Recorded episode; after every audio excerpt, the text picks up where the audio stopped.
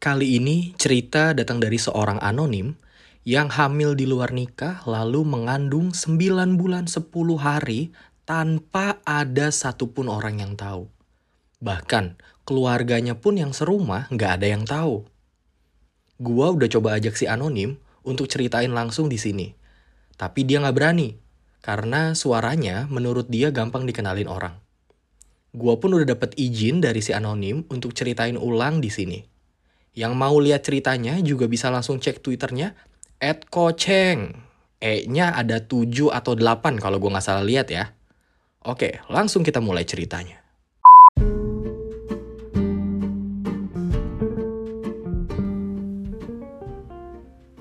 Mau cerita? Sini, cerita dong sama om.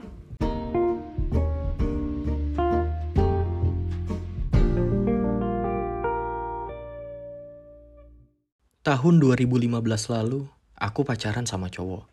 Sebut aja namanya Angga. Selisih umur kita 3 tahun, lebih tua aku. Waktu itu, dia masih sekolah kelas 2 SMA dan aku kuliah semester 5. Kita jalanin hubungan ini kurang lebih 2 tahun. Selama 2 tahun pacaran, kita nggak pernah saling kenalin diri ke orang tua masing-masing. Dia nggak pernah ke rumah aku, ataupun sebaliknya. Ya, karena emang tujuannya cuman sekedar pacaran ala anak muda, bukan yang serius gitu. Semua baik-baik saja, berjalan normal seperti hubungan muda-mudi pada umumnya. Kami pasangan yang bisa dibilang jarang ketemu, jarang main bareng. Paling kalau ketemu, kita makan, nongkrong, ya terus pulang. Tapi, ada kalanya kami sengaja ketemu untuk melakukan itu. Ya, having sex. Kami tidak pernah merasa tabu akan hal ini. Karena kami sudah pernah melakukannya dengan mantan kami masing-masing. Selama dua tahun pacaran, mungkin bisa dihitung dengan jari berapa kali kami having sex. Hanya lima kali dalam dua tahun. Termasuk jarang ya. Aku akui ini salah. Sangat tidak baik untuk ditiru. Terlebih, aku anak perempuan yang sangat disayang oleh orang tuaku. Mereka berharap Suatu saat aku bisa membuat mereka bangga. Tapi yang kulakukan sebaliknya. Setiap kami having sex, kami tidak pernah pakai pengaman atau kondom. Goblok memang. Dan bodohnya lagi, setiap having sex, pacar selalu keluar di dalam. Selalu.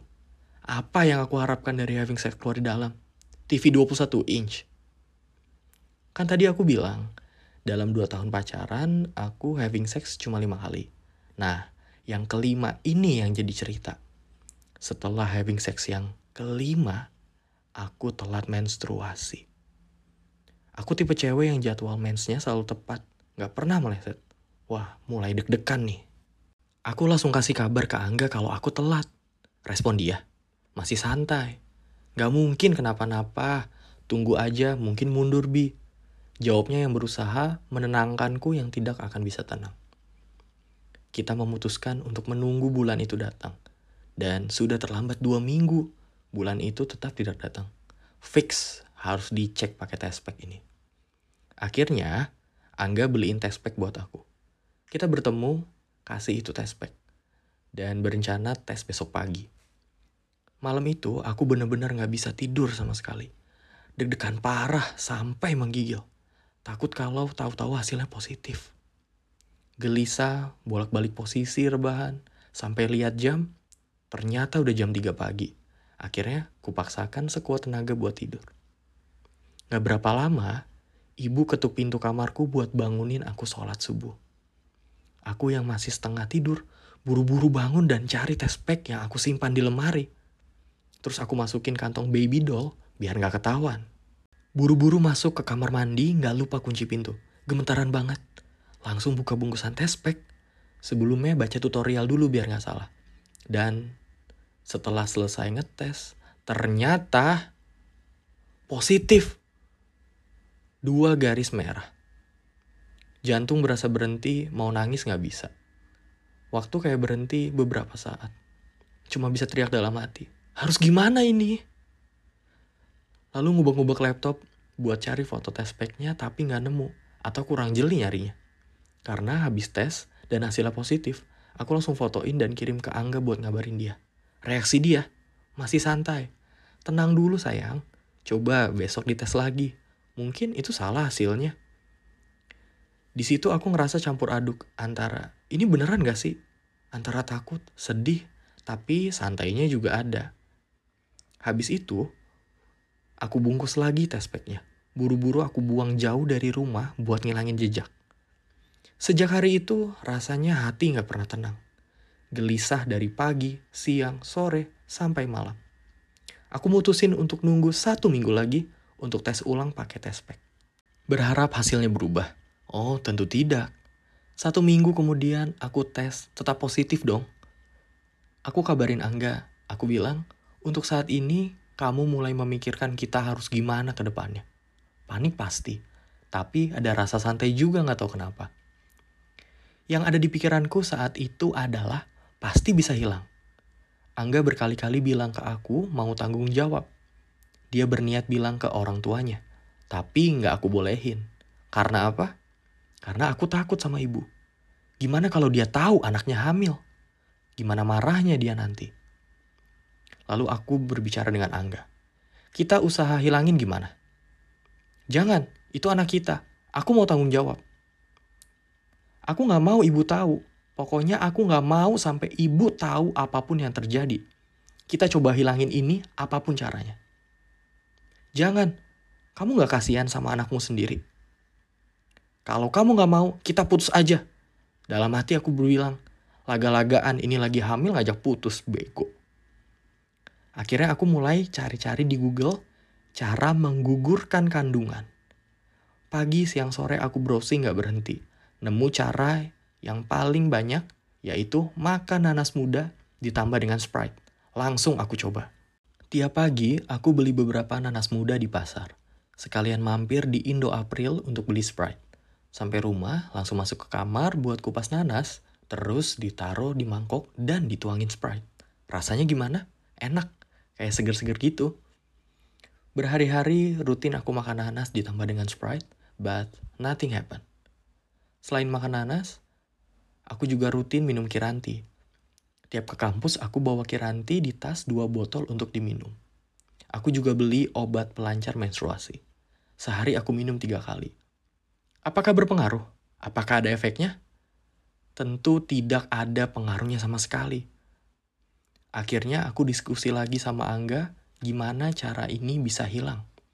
Tapi Angga kekeh tetap pengen tanggung jawab. Dan aku marah dong.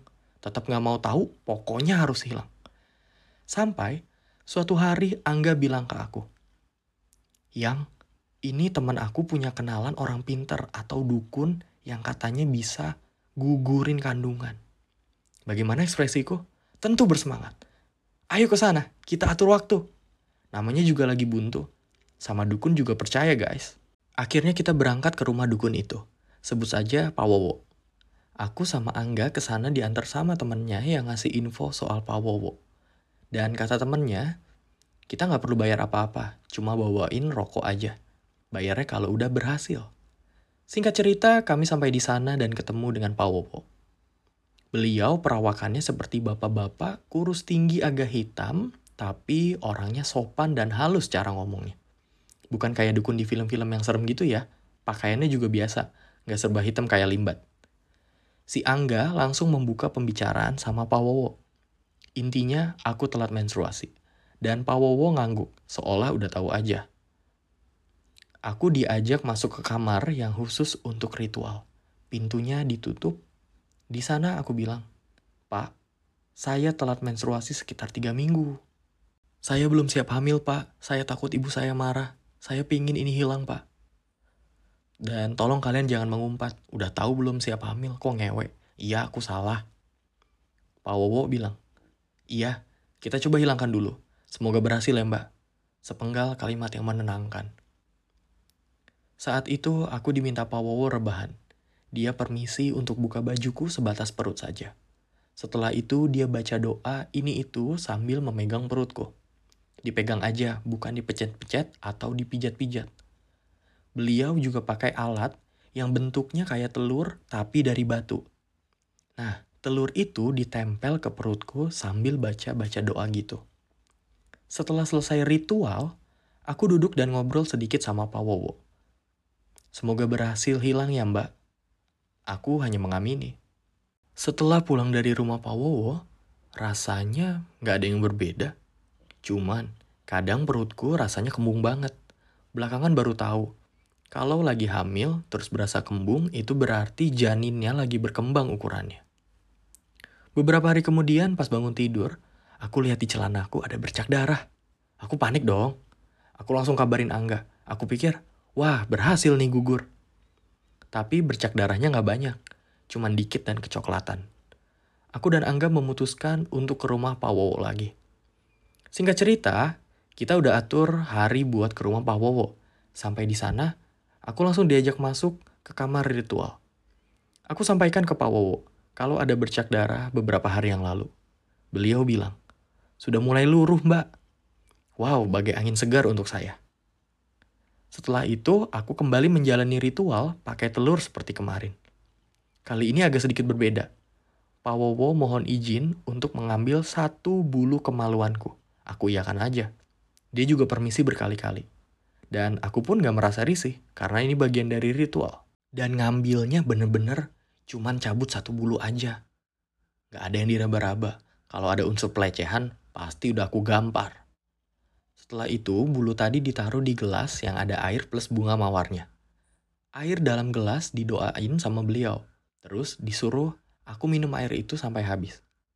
Kapan lagi ya kan minum air jembut sendiri? Sisa bunga mawar yang gak keminum dibungkus dan disuruh buang ke sungai. Semoga segera hilang ya mbak ucap Pak Wowo di setiap akhir pertemuan. Hari demi hari berlalu, tetapi tidak ada yang terjadi. Aku belum juga menstruasi. Masih tetap usaha minum Sprite. Kiranti, kadang Sprite dicampur lada bubuk. Sumpah rasanya nggak banget. Di saat-saat seperti ini, Angga selalu bilang, Ayo yang berhenti, aku mau tanggung jawab. Dan aku selalu marah setiap dia bilang gitu. Aku benar-benar gak mau ada yang tahu aku hamil, apalagi ibu. Aku takut ibu marah dan kecewa. Browsing cara menggugurkan kandungan juga belum berhenti. Sampai aku nemu cara. Katanya ada di penjual jamu gerobak khusus untuk gugurin kandungan. Aku langsung suruh Angga beli walau dia terpaksa.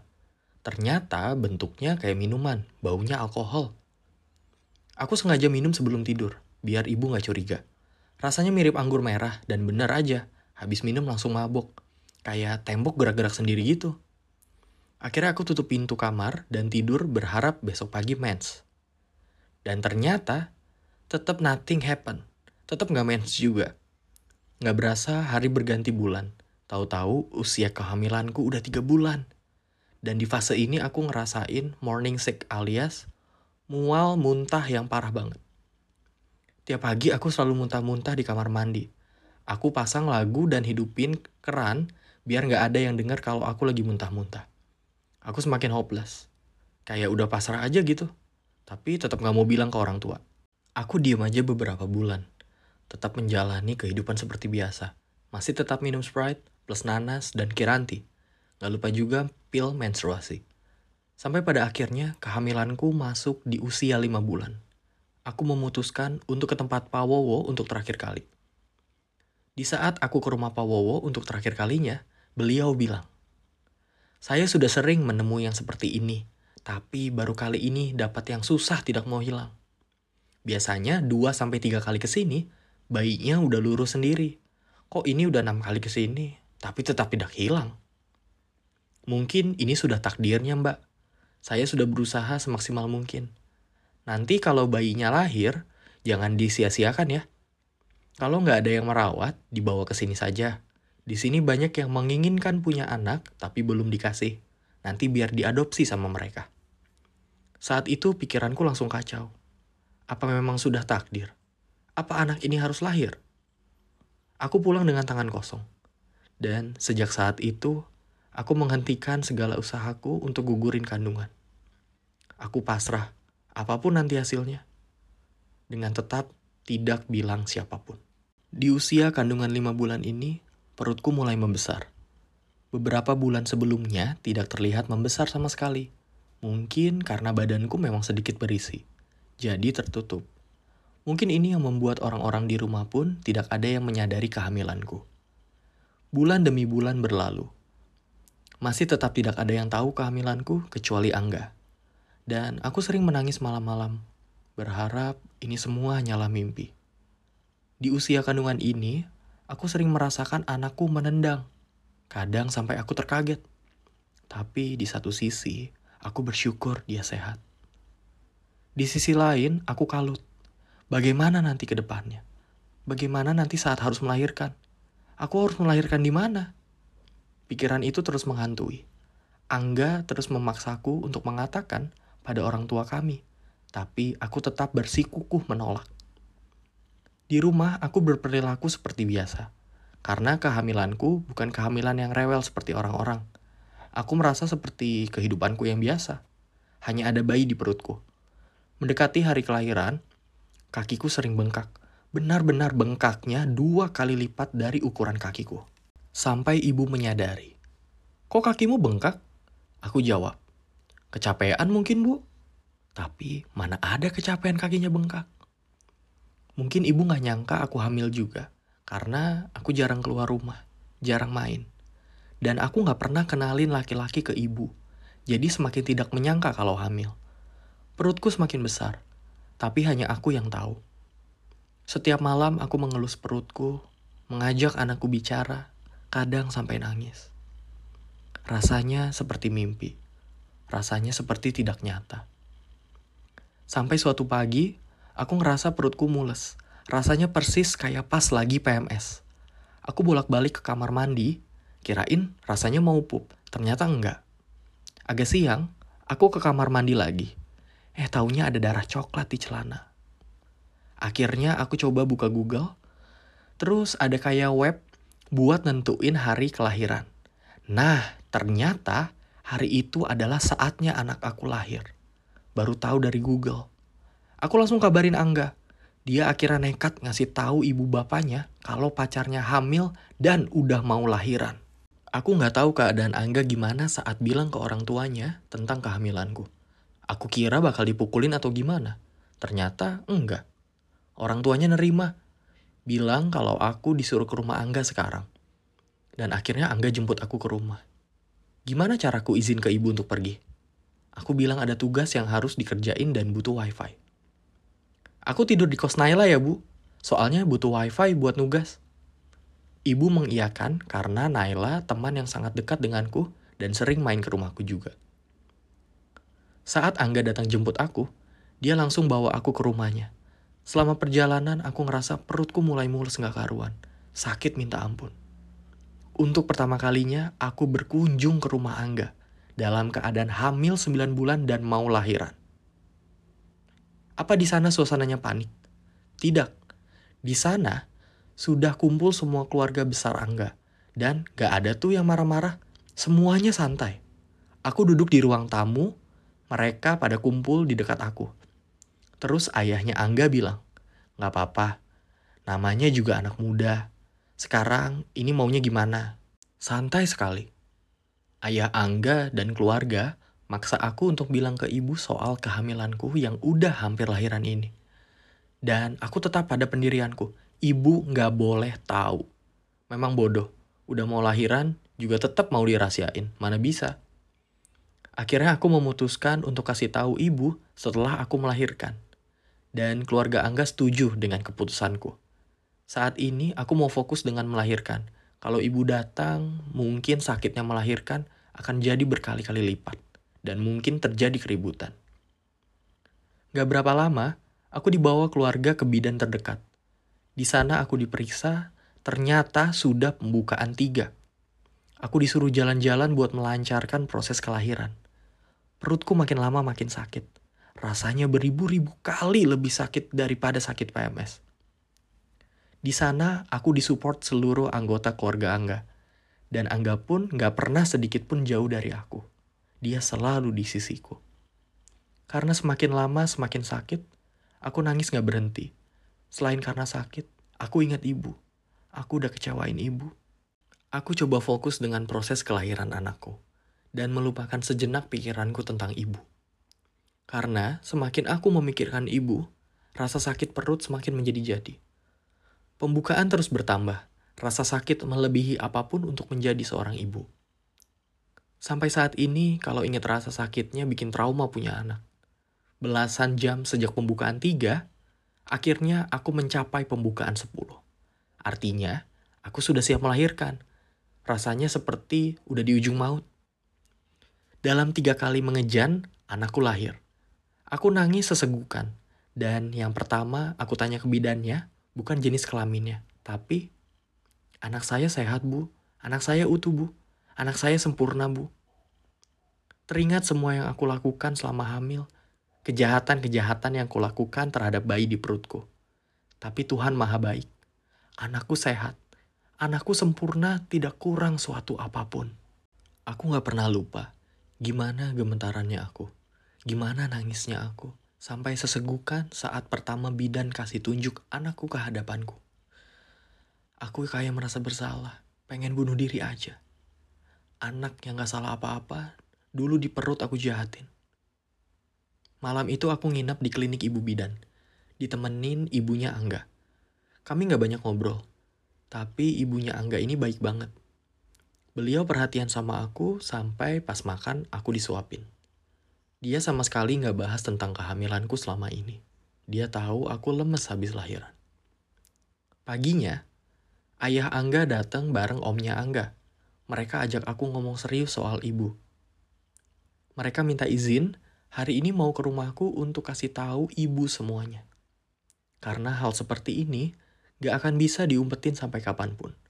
Aku pasrah kali ini. Aku sadar kalau ini sudah terlalu jauh dan gak ada yang bisa disembunyiin lagi. Akhirnya, ayah dan omnya Angga berangkat ke rumahku. Selama menunggu kabar dari mereka, aku benar-benar cuman bisa diam. Aku cuman mikir, apa yang terjadi di sana? Gimana keadaan ibu? Wajahku pucat. Aku gak doyan makan sama sekali. Yang aku pikirkan cuman keadaan di rumahku gimana. Aku yang anak kesayangan orang tua, tiba-tiba hamil, bahkan sudah melahirkan. Aku bisa bayangkan keadaan ibu seperti apa saat tahu itu semua. Waktu terus berlalu. Aku gak berhenti ngeliat jam dinding. Aku gelisah nungguin kabar dari ayah dan omnya Angga. Gak lama mereka datang ke klinik bidan, tetapi ibu gak ikut. Badanku seketika lemas mendengar mereka bercerita bagaimana keadaan di sana saat diberitahu tentang aku. Katanya ibu langsung shock, langsung nangis teriak-teriak. Ibu gak bisa ngomong apa-apa, cuma bisa nangis. Aku ikut nangis pas diceritain kejadian itu. Ibu gak ikut ke sini karena katanya belum siap. Nanti kalau sudah siap, ibu akan menyusul katanya. Aku semakin gak tenang. Gelisah. Kapan ibu ke sini? Kapan kita bertatap muka? Aku gak sanggup. Malam harinya, ibu dan ayahku datang ke klinik. Untuk pertama kalinya, aku menatap ibu setelah kejadian besar yang aku lalui. Aku gak bisa tahan. Aku nangis sampai teriak. Ibu cuma menatapku dengan tatapan kosong. Satu kalimat yang terucap dari bibirnya yang sampai saat ini masih kuingat. Kok bisa? Keluargaku dan keluarga Angga berdiskusi. Baiknya seperti apa ke depannya. Dan yang pasti aku dan Angga harus segera menikah. Sementara persiapan pernikahan, aku dan anakku tinggal di rumah Angga untuk menutupi kejadian ini. Keluargaku yang lain, tetangga dan teman-temanku Gak ada yang tahu kalau aku melahirkan. Mereka taunya tiba-tiba aku mau nikah. Gak berapa lama aku sama Angga nikah, resepsi besar-besaran. Aku sedih kalau ingat ini. Orang tua aku tetap mengadakan resepsi untuk aku. Beberapa bulan setelah pernikahanku digelar, baru anakku dimunculkan ke publik, pura-puranya baru lahir. Tidak ada yang curiga, karena hamil duluan sudah bukan hal yang tabu di masyarakat. Tapi kalau lahir duluan agak ekstrim. Makanya keluarga berusaha menutupi fakta itu. Setelah nikah, aku baru sadar kalau keputusanku untuk menutupi kehamilanku adalah salah besar. Andai saja dari awal aku jujur sama orang tua, pasti semua lebih tertata. Orang tua marah itu sudah pasti. Tapi mereka akan menerima, pasti menerima. Dan benar saja mitos kalau orang hamil sebelum nikah itu bayinya sembunyi. Jadi nggak kelihatan hamil sama sekali, kayak orang-orang lagi hamil pada umumnya yang perutnya gede. Selain itu, karena badanku agak berisi, jadi bikin makin gak kelihatan hamil. Yang terjadi di aku benar-benar gak kelihatan sama sekali kalau hamil. Perut nambah gede cuman dikit. Padahal bayinya tiga setengah kilogram. Jadi aku literally kayak orang yang biasanya gak hamil gitu. Kayak orang biasa aja. Berapa bulan awal pernikahan keadaan masih menegangkan. Mungkin ibu dan ayah dan keluarga belum bisa menerima keadaan ini. Tapi seiring waktu berjalan semua kembali normal, apalagi ada anakku. Semua sayang sama anakku. Selalu ada hal yang bisa disyukuri di setiap kejadian. Aku benar-benar bersyukur anakku tumbuh sehat dan tidak kurang suatu apa pun. Mengingat semua yang pernah kulakukan selama hamil, Sampai detik ini aku masih sering nangis kalau lihat anakku tidur. Aku merasa bersalah.